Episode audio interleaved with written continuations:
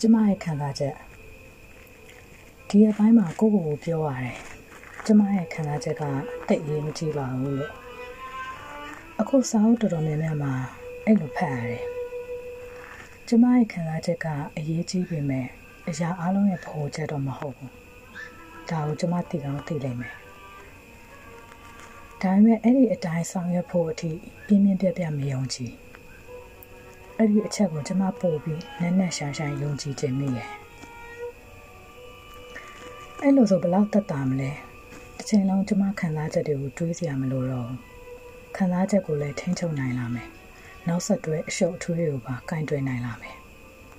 ဒီခံစားချက်ကိုတက်တာရအောင်တစ်ချိန်လုံးစူးစမ်းနေဖို့မလိုတော့တကယ်တော့ကျမခံစားချက်ကတိတ်ပြီးအေးကြီးလာတယ်လို့လည်းကျမမယုံကြည်ပါဘူး ကျမဆိုးဆိုးရွားရွားခံစားရတာမျိုးတော့ဟုတ်ချင်မှဟုတ်မယ်စိတ်သက်သာရာရဖို့လည်းတိတ်ခတ်မှာမဟုတ်ပါဘူးဒီလိုလဲပြောစရာမလိုတော့ဘူးပေါ့အိုးကြောက်စရာကြီးညနေကြီးတယ်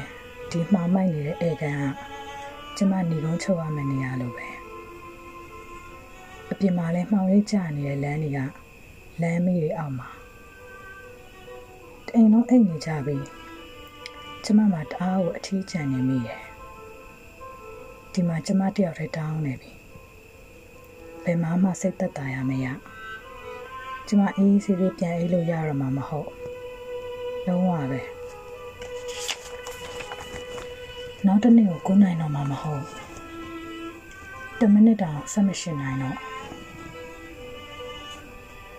ကျမဒီတောင်ကြုံနိုင်တော့မှမထင်ဘူး ကျမရဲ့ခံစားမှုကအရာရာတိုင်းရဲ့ဗဟုချက်မဟုတ်ဘူးလို့ယုံကြည်ခဲ့ရင်ကိစ္စတွေအများကြီးတဲ့အဲ့ဒါကိုဘေးပို့လိုက်မိမယ်အဲ့ဒါဆိုကျမတခြားကိစ္စတွေကိုလည်းမြင်နိုင်လာပြီအတူတူပဲတခြားအရေးတယူနဲ့အာရုံစိုက်နိုင်လာလိမ့်မယ်ဒီနည်းနဲ့ကျမတနည်းတစ်ပုံစိတ်သက်သာရရလိမ့်မယ်ဒါပေမဲ့လည်း idea တစ်ခုဟာလုံးလုံးမှန်ကန်တင့်တော်ပေမဲ့ လက်တွေ့ဆောင်ရွက်ဖို့ထီအောင်လေးလေးနက်နက်ယုံကြည်လို့မရတာကတော့စိတ်ဝင်စားစရာပဲဒီတော့ကျမမှာကျမခံစားမှုကိုအရာအလုံးရဲ့ဗဟုချက်လို့သဘောထားပြည့်မှုနေတော့မယ်ဒီခံစားမှုတွေကကျမကိုညာရေးတကောင်ဧကန်ပရင်မှာတယောက်တည်းကြံရင်းစေတော့မယ်အခုသာကျမစီမှာခံစားမှုကအရာအလုံးရဲ့ဗဟုချက်မဟုတ်ဘူးဆိုတဲ့ idea ရှိရင် ဘယ်လိုများကွာခြားသွားမလဲ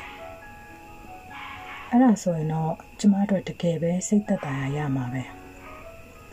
ဘာကြောင့်ဆိုဆက်ပြီးစိတ်ပြက်နေလဲတစ်ချိန်တည်းမှာဒီစိတ်ပြက်လက်ပြက်ဖြစ်မှုကတိတ်အရေးမကြီးပါဘူးလို့ကိုကိုကိုပြောနေတော့စိတ်ပြက်ဝမ်းနေမှုကရရက်မရရက်တခြားအရာတွေအများကြီးကြားမှာဘေးတစ်ဖက်ကတ်သွားမှာကိုယ်တိုင်မြင်ရတော့မှာပဲမဟုတ်လားလီဒီ ယာဒေးဗစ်ဘာသာပြန်ဒီနိုဗို